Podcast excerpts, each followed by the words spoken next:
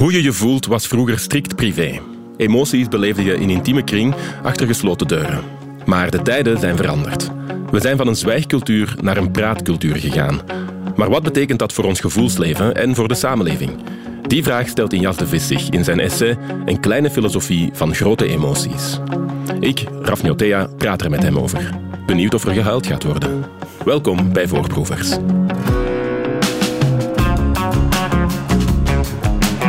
Voorproevers. Dag Injas de Vis. Goeiedag. Je bent hoogleraar medische filosofie en ethiek aan de UGent. Waarom plots een essay over emoties? Hoe is dit boekje er gekomen? Plots is het niet. Ik had al wel een tijdje um, iets met dat thema. In die zin dat je het overal merkt, en ik zal maar meteen in het thema duiken, voelt hè, dat, er, dat wij daarmee worstelen. Dan is het natuurlijk altijd de vraag, want dat is een van de vele thema's waarvan ik toen dacht, ik moet daar iets over schrijven. Maar dan doe je dat aan de kant omdat er geen tijd is. Hè? Zo gaat het dan. Tot dan een uitgeverij met enige druk zegt, jij moet, we zouden jou graag uh, in een reeks duwen die uh, dus eigenlijk het, het thema emotie tot uitgangspunt heeft. En de bedoeling van die reeks is dat er over heel particuliere emoties wordt geschreven, maar aan mij is de vraag voorgelegd, schrijf het zogeheten nul-essay, vanuit de vraag wat is eigenlijk de plaats van emoties in de samenleving vandaag? En dat vind ik een hele mooie vraag. Mm -hmm. Dus ik heb eerst nog een beetje tegengesparteld, maar ik wist toen al dat ik eigenlijk ja zou zeggen.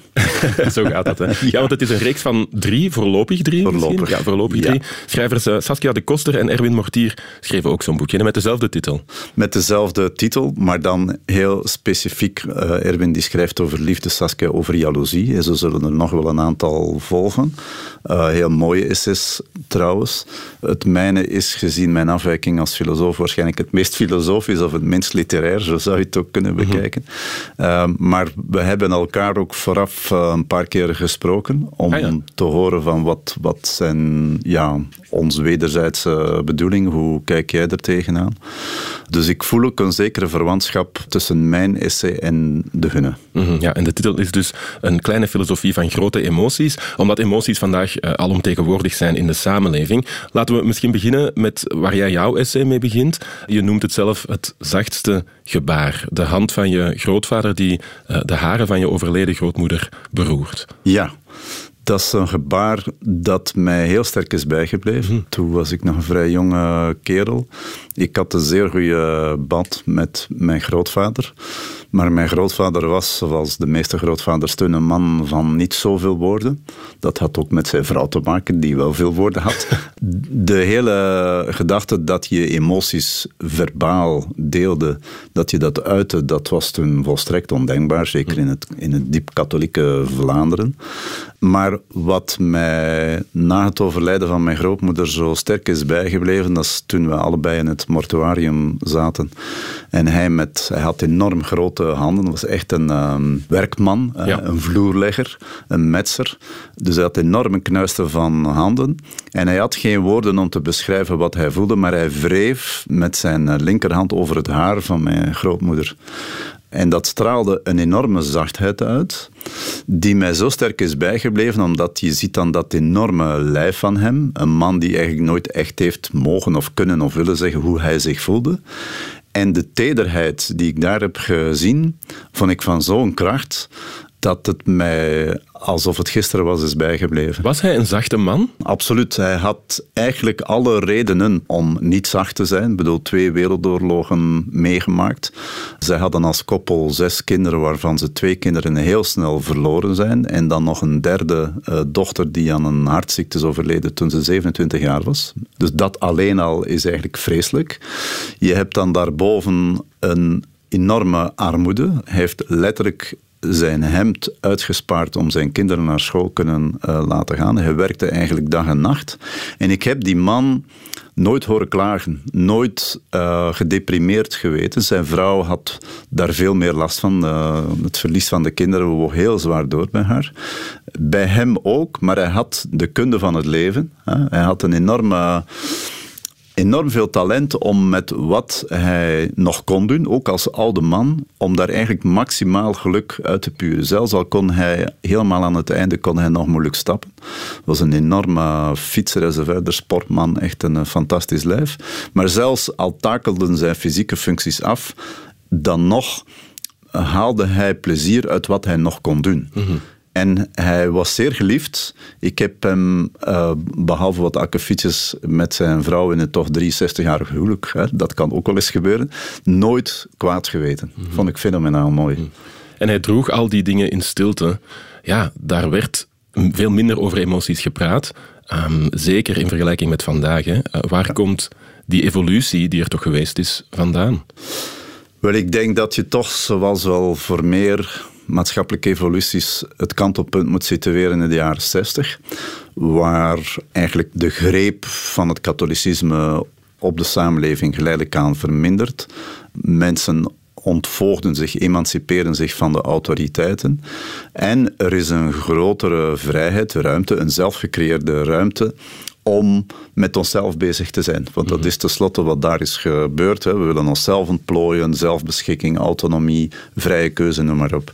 En dan zie je toch geleidelijk aan dat de gedachte dat emoties daar ook bij horen, namelijk kunnen zeggen wat je voelt, wat er in je omgaat, dat dat heel langzaam wel is veranderd tot wat je in feite vandaag kan vaststellen.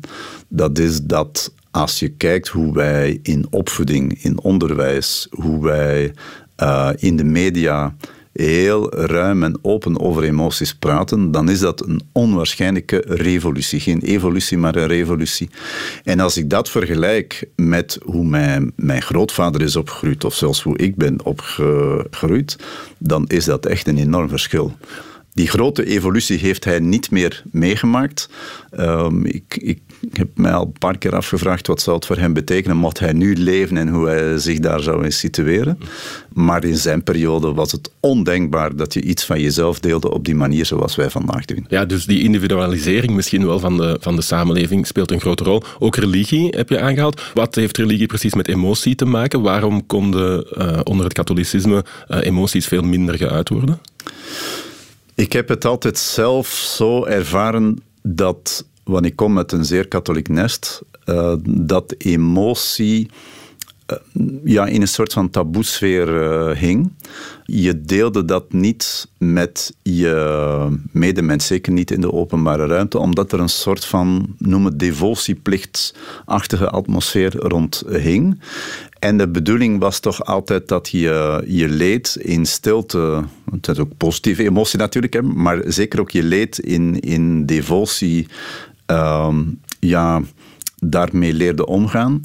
En dat de troost die er toen vooral in bestond, dat je ja, bon, via gebed, uh, bezinning, dat je op die manier dat ging verwerken. Ik heb dat ook bij, bij mijn eigenste moeder gezien, die um, ja, bon, daar eigenlijk op een vergelijkbare manier mee omging. Ook al wat verschillend van haar vader, maar zeker als man. Hè, dus denk dat we niet alleen naar religie moeten kijken, maar ook naar de maatschappelijke constellatie.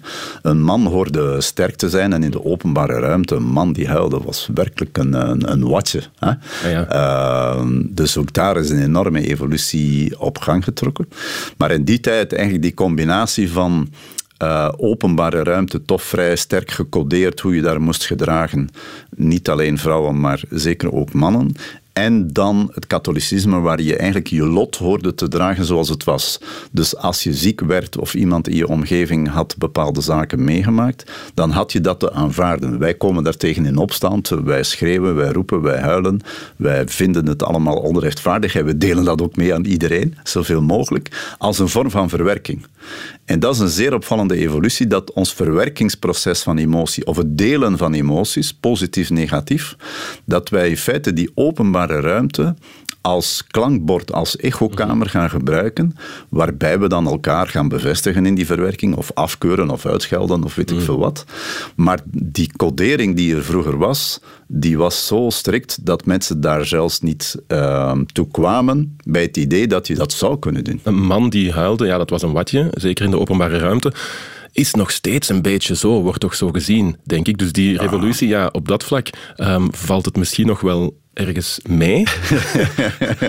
zeker. Wel, het hangt ervan af vanuit welk perspectief je het bekijkt. Maar het is zeker niet zo dat we bij dat eindpunt zijn aangekomen. Je ziet toch nog heel wat mensen worstelen met het idee wanneer mag ik wat en hoe delen en met wie en hoe gedraag ik me dan. En vooral ook hoe gedragen wij ons ten opzichte van iemand die dat deelt? Daar merk je toch nog een vrij groot mhm. ongemak bij. Je merkt dat bij de grote emotionele momenten, waar we ja, al bij al een beetje stamelen en stotteren op dat moment. Het is een van mijn proffen vroeger die zei van wij tateren de hele dag door, maar als het recht op aankomt, dan stotteren we. Hm. En hij bedoelde daarmee dat we geen woorden vinden voor de echt grote zaken. En ik denk dat hij daar in feite gelijk in had.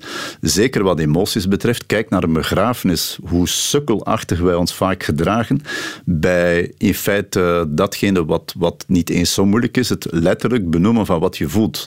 Maar dan merk je dat mensen daar beginnen in schuifelen en, en, en, en ja, bon, ongemakkelijk lopen met zichzelf. Mm. Dus het is zeker niet zo dat, dat we geen stappen meer kunnen zetten. Nee, nee, absoluut niet. Je spreekt zelf van de e-vrouwcipatie van de man in het boek. Een draak van een woord als je het mij vraagt, maar ik begrijp... Volledig akkoord. wel wat je ermee bedoelt. Ehm, is dat dan iets positiefs, dat we nu eh, onze emoties verwerken aan de hand van het uiten ervan? Dat denk ik zeker. Hè. De evolutie die ik beschrijf van een zwijgcultuur naar een spreekcultuur beschouw ik als intrinsiek positief. Ik heb in mijn jeugd niet alleen de persoonlijke titel, maar ook ervaren dat heel veel mensen rondom mij ja, enorm hebben geworsteld met de ehm, afwezigheid van de mogelijkheid om een emotie te delen. We hadden eh, geen woorden ervoor en als we die hadden, dan moesten we die voor onszelf houden. En dat heeft tot veel ellende geleid. Je ziet mensen dan verwrongen zitten in hun emotie.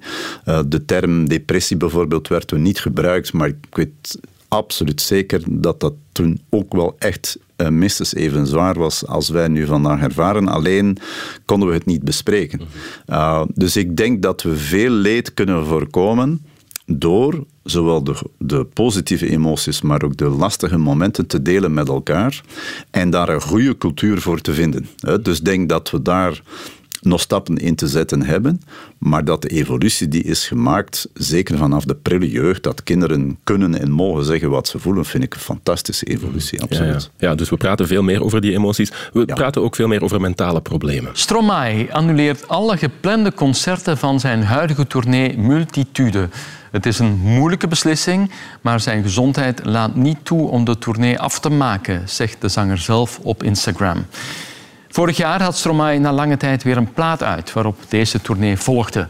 In België gaat er om vijf keer een uitverkocht concert in Paleis 12 en Rockwerchter. Die plaat voelde als een gigantische comeback. Ook al omdat er daarvoor die gezondheidsproblemen waren geweest. Hij heeft gesproken over een burn-out die in, eh, in, een depressie is overgegaan. Dus we wisten al van oké, het is een periode heel moeilijk geweest voor Stromae. Maar dan was er vorig jaar dat album een heel, heel goede plaat weer. Dan komt er die aankondiging van die tournee. En nu moet je dan eigenlijk dat verhaal terug even in mineur aan de kant schuiven of zo. Ja, Injas de Vis. Uh, ook wereldsterren zijn veel opener dan vroeger. Hier ging het over Stromae, maar ik denk ook aan topsporters zoals uh, Simone Biles of uh, zwemster Roos van Otterdijk. Ja, is dat ook een teken destijds dat we over onze mentale problemen opener zijn? Absoluut. Je ziet het inderdaad ook bij, bij publieke figuren dat ze voelen dat ze er niet zullen voor afgestraft worden als ze het delen. Uh, je ziet dat inderdaad ook in de topsport, waar we lange tijd hebben gedacht dat zijn een soort van robotachtige machinewezens die blijven presteren en niets voelen. En, en dan zie je in feite als een aantal daarmee beginnen, dat de rest ook volgt. En dan krijg je een soort van sneeuwbaleffect. En dan merk je pas op dat moment iets wat we in feite allemaal wel weten, maar dan toch aan de kant hebben geschoven, dat de druk die op bepaalde mensen hun schouders ligt, dat die groot is en dat het bevrijdend kan zijn om daarover te spreken. Dat we rekening houden daarmee, dat we inderdaad geen robot zijn, dat we niet zonder meer alles kunnen uitschakelen, pure rationaliteit of wat dan ook zijn, maar dat we mensen zijn met een heel rijk gevoelsleven. Ik beschouw dat als, als zeer positief. We hebben dat gevoelsleven. En het zou nogal vreemd zijn dat we denken dat we dat aan de kant kunnen schuiven. Want daar zit volgens mij een misvatting in. Dat is dat mensen maar volkomen zouden zijn wanneer ze puur rationele afwegingen gaan maken. Je ziet daar ook die klassieke ja, inferieure positie die de vrouw altijd heeft toebedeeld gekregen. Hè, dat zal dan iemand geweest zijn die te emotioneel was. Dat zegt men dat. Ze is te emotioneel, mhm. alsof mannen niet hyper-emotioneel zijn. En dan zou je dus een stapje verder zetten als mens wanneer je alleen nog rationeel bent. Hè. Denk een dubbele misvatting. Eén, de twee hou je niet gescheiden. En twee, het is volgens mij een misvatting dat emotionaliteit, rationaliteit in de weg zou staan. Natuurlijk moet je bewust zijn van wat de impact is van je emoties op wat je zegt en doet en handelt en, en de impact daarvan op anderen. Maar het, het, hele idee dat emoties een nuchtere kijk op jezelf, op anderen en op de samenleving in de weg zouden staan, ik zou bijna durven zeggen het tegendeel, want je ontsnapt er niet aan en door te doen alsof je er wel kan aan ontsnappen, pas dan vinden die emoties ergens ja, heimelijk uh, hun weg. En dan doen ze iets wat eigenlijk uh, nefaster is dan wanneer je ze letterlijk bespreekt. Ze worden onbesproken ergens in het midden gelaten en niemand weet goed wat ze ermee aanvangen, terwijl je veel beter kan zeggen, of dat nu als spreker is voor een groot publiek, stel ik ben hypernerveus en ik sta voor een zaal van 500 mensen. Als ik verzwijg dat ik hypernerveus ben, dan merkt de hele zaal dat. Want je kunt niets wegstoppen voor een groot hm. publiek. Maar als ik zeg, goh, om een of andere reden ben ik hypernerveus vandaag, dan heb ik contact gemaakt met uh, de groep voor mij. Zij begrijpen waarom ik doe wat ik doe. En dan kan ik een stapje verder zetten. Dan maak je het bespreekbaar en maak je het ook bewerkbaar. Terwijl als je het voor je houdt, dan kun je het niet wegcijferen. Dat gevoel is er. Hè? Ik heb niet beslist om hypernerveus te zijn, van ik ga eens lekker hypernerveus zijn. maar iets in mij heeft mij vastgegrepen en het is alleen door er bewust mee om te gaan, en dat is die combinatie van emotionaliteit en rationaliteit, dat ik er mij toe kan verhouden. Ik denk dat dat eigenlijk de hele kwestie is. Ja, en die, die combinatie vind ik enorm interessant en daar ga je ook op in in uh, je essay. Want het is wel een tegenstelling die vroeger vaak gemaakt is en nu nog steeds vaak gemaakt wordt hè, tussen emotie en wetenschap, zeg maar, of uh, ratio en emotie. Maar het is dan een tegenstelling die uit de lucht gegrepen is of die op niets gestoeld is? Ja, ik vrees gewoon dat laatste. Dat het een enorme misvatting is die geen wetenschappelijke basis heeft, die geen existentiële basis heeft en die ook de facto niet werkt. Ik heb in mijn essay ook beschreven hoe de filosofie altijd emotioneel heeft geprobeerd om tegen emotie te zijn. Ik vind hm. dat een zeer interessante vaststelling. Gepassioneerd moest die emotie aan de kant worden geduwd. De naam alleen al, wijsbegeerte, is een ja, begeerte naar wijsheid. En daar zit passie gewoon helemaal in het verlangen naar wijsheid. Dus dat is pure passie. En dat zit ook in wetenschap. In tegenstelling tot wat mensen vaak uh, denken, zijn de meeste wetenschappers behoorlijk gepassioneerd. En helpt die passie hen in hun wetenschappelijk bedrijf? Want dan zit daar die tweede misvatting, dat men denkt van ja maar, emotie leidt tot bias, tot vooroordelen, tot een verkeerde kijk op de dingen, dus moet je die weer uitschakelen. Ik denk dat daar opnieuw diezelfde knoop zit die we eigenlijk moeten ontwarren. Waarom zouden wetenschappers niet emotioneel mogen zijn? Natuurlijk moeten ze zorgen dat ze niet met vooroordelen hun onderzoek aanvatten, maar daar zijn voldoende mechanismen voor om dat wel tegen te gaan. Maar of je dan geëmotioneerd of gerationaliseerd met die wetenschap omgaat, lijkt mij in feite... Ehm, ja, niet de kwestie te zijn waar we het moeten over hebben. En ik zie bij uitstek in mijn vakgebied hè, de begeerte uh, van de wijsheid, de passie om eigenlijk die, die inzichten te verwerven en zo beter de wereld te begrijpen.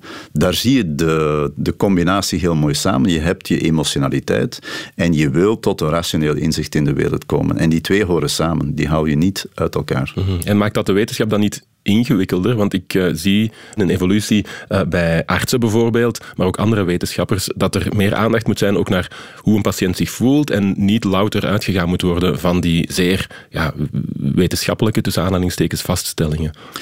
Ik geef onder meer les aan artsen, dus uh, ik heb die evolutie ook gezien. Zeer goede evolutie. Ik zou zeggen, het maakt het niet complexer. Het is eindelijk de erkenning van de complexiteit van een patiënt. Een patiënt is geen nummer. En ik geef dat ook vaak als voorbeeld als ik voor artsen spreek. Hoe komt het nu toch dat diezelfde therapie bij patiënt 1 met dezelfde problematiek als bij patiënt 2 de ene keer wel goed werkt en de andere niet? Wel, dat heeft te maken met het feit dat we met menselijke wezens te maken hebben. Dus geneeskunde kan alleen een exacte wetenschap zijn op het ogenblik dat er geen patiënten meer zijn. Hè? Ze is dat niet en de patiënt staat centraal. Dat betekent, patiënten hebben gevoelens, Uh, artsen hebben gevoelens. De interactie tussen arts en patiënt kan een enorme impact hebben op het rehabilitatie- of revalidatieproces. En het is veel beter om daar rekening mee te houden en ook artsen te trainen in hoe breng ik mijn boodschap over. Want als ik het woord kanker moet communiceren, ja, dan weet je al als arts, er is een tweede consult nodig, want je bent niet eens meer in staat om te luisteren naar dat woord. Mhm. Zeer begrijpelijk. En daar zijn ze veel beter in getraind dan voorheen. Toen uh, ja, moet zelfs geen halve eeuw meer teruggaan, maar een paar decennia terug.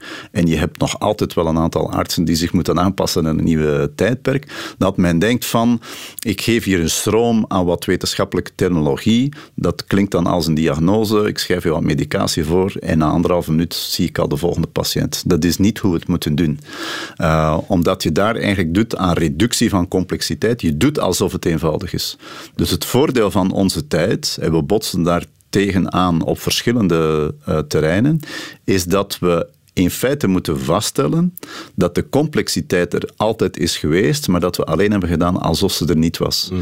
En de reden waarom we het vandaag uh, erkennen, is omdat we vaststellen dat we onszelf hebben vastgereden op een aantal terreinen. Zoals die topsporter die aangeeft van het lukt mij niet meer. Zoals Stromae die aangeeft van het lukt mij niet om mijn energie in dit project te stoppen, avond na avond een optreden waar iedereen van denkt, goh, ik zou ook in zijn plaats willen staan, mm. tot je erin staat en beseft welke druk mensen ervaren. Ja, ja, ja. Dus daar zit iets in van, ja, uh, een mensenleven uh, betekent dat we heel wat ja, zaken moeten overwinnen, mee worstelen enzovoort.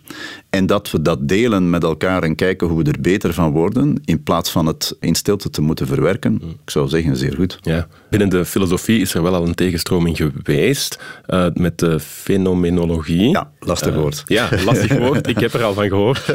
Maar ik weet niet precies wat het is. Afgeleid, zoals wel meer woorden van het Grieks, phenomenae, zoals de fenomenen aan ons verschijnen. Zoals de dingen zich aan ons voordoen, of nog een beetje ruimer geformuleerd, hoe ik de wereld ervaar. Je zou kunnen zeggen, een kleur blauw is een kleur blauw. Je kunt dat wetenschappelijk beschrijven. Maar het kleur blauw kan bij mij anders binnenkomen. Ik kan het anders ervaren dan jij bijvoorbeeld, omdat ik met blauw iets associeer dat ik heb meegemaakt in mijn jeugd, een voetbalclub die dezelfde uh, kleur heeft, dan ga ik daar al mee aan de slag. Dus dat is wat fenologie doet. Het kijkt naar hoe de wereld door die persoon wordt ervaren en neemt het mee als perspectief in de beschrijving van de wereld. Dat wil zeggen, men gaat er dan niet meer vanuit dat er een soort van objectieve wereld zou bestaan, los van de menselijke ervaring. Men zegt eigenlijk anders, wij kunnen alleen maar vanuit onze ervaring, ook lichamelijk, als ik pijn heb, ervaar ik mijn dag totaal anders dan wanneer dat niet het geval is. Iemand kan wel kijken naar mij en zeggen, God moet wat zijn om die pijn te voelen, en toch kun je nooit in elkaars schoenen gaan staan. Dus dat betekent dat fenologie zegt, als wij willen menselijke kennis opdoen, dan moeten we vanuit die ervaring van dat individu en dat dan ook delen met wat andere individuen ervaren, vertrekken. Mhm. En dat is een hele belangrijke switch geweest in de gedachte van vele eeuwen lang, we zullen ooit bij het eindpunt aankomen waar we de wereld totaal objectief tot in detail hebben beschreven. Die gedachte heeft men eigenlijk opgegeven. Bijna geen enkele wetenschap vertrekt daar nog van. Je kunt zeggen, ja bon, de zwaartekracht bestaat ook zonder de mens en 2 plus 2 is altijd 4 en zo verder. Maar dan houdt het ongeveer op. Uh, zodra je een beetje binnenkomt in die menselijke wereld, maar ook de wereld te koer, dan merk je dat sociale relaties, verhoudingen van onderzoeksobject tot de onderzoeker altijd een rol spelen in hoe je het beschrijft en wat je beschrijft. Maar dan wordt het toch wel heel moeilijk om op sommige vlakken met elkaar in gesprek te gaan, neem ik aan. Want ik heb de indruk dat het maatschappelijk debat bijvoorbeeld hmm. uh, ja, ook van die opvatting vertrekt uh, vandaag de dag steeds meer. Hè, dat, dat het uh, niet meer de wereld is zoals die is, maar de wereld zoals wij die ervaren en onze gevoelens die daarin centraal staan. Ja, er is een keerzijde aan. In die zin dat als mensen die gevoelens waar we terecht van uitgaan, gaan presenteren als dit is wat het is, ik en mijn gevoelsleven, ik voel mij zo, ik ben zo en jij weet niet wat ik doormaak, dat laatste klopt. Ik weet nooit perfect 100% hoe iemand anders zich doormaakt. Maar je kunt het mij wel vertellen. Dan kan ik er rekening mee houden. Dan kan ik misschien mij zelfs afvragen, is wat jij voelt wel, uh, laten we zeggen, zo vastliggend als je mij presenteert. En dan in de interactie tussen mensen kunnen we één, elkaar beter begrijpen en twee, kunnen emoties ook opschuiven. En dat is wat ik soms denk waar we nu een beetje in vastzitten, is dat we te veel onze emotionaliteit als een soort van blok graniet aan elkaar gaan opleggen. Ik ben zo en jij moet zo met mij rekening houden, je moet mij zo aanspreken, want ik voel me zo. Terwijl ik denk, ja maar, mochten we allemaal ons zo gaan aanbieden aan de sociale orde, ja, dan zit je met 8 miljard ikken die niet meer in staat zijn om met elkaar te communiceren. Dus daar gaan we wel anders moeten mee omgaan. Denk ik. Ja, en dan is verbinding uh, misschien belangrijk, zoals dat altijd belangrijk is. Hmm. Um, en in, in je boek, Een kleine filosofie van grote emoties, uh, is er ook een oproep te lezen uh, om emoties te delen. En dan bedoel ik met delen, de, vooral delen in de zin van ze samen beleven in, in de samenleving. Waarom is dat zo belangrijk?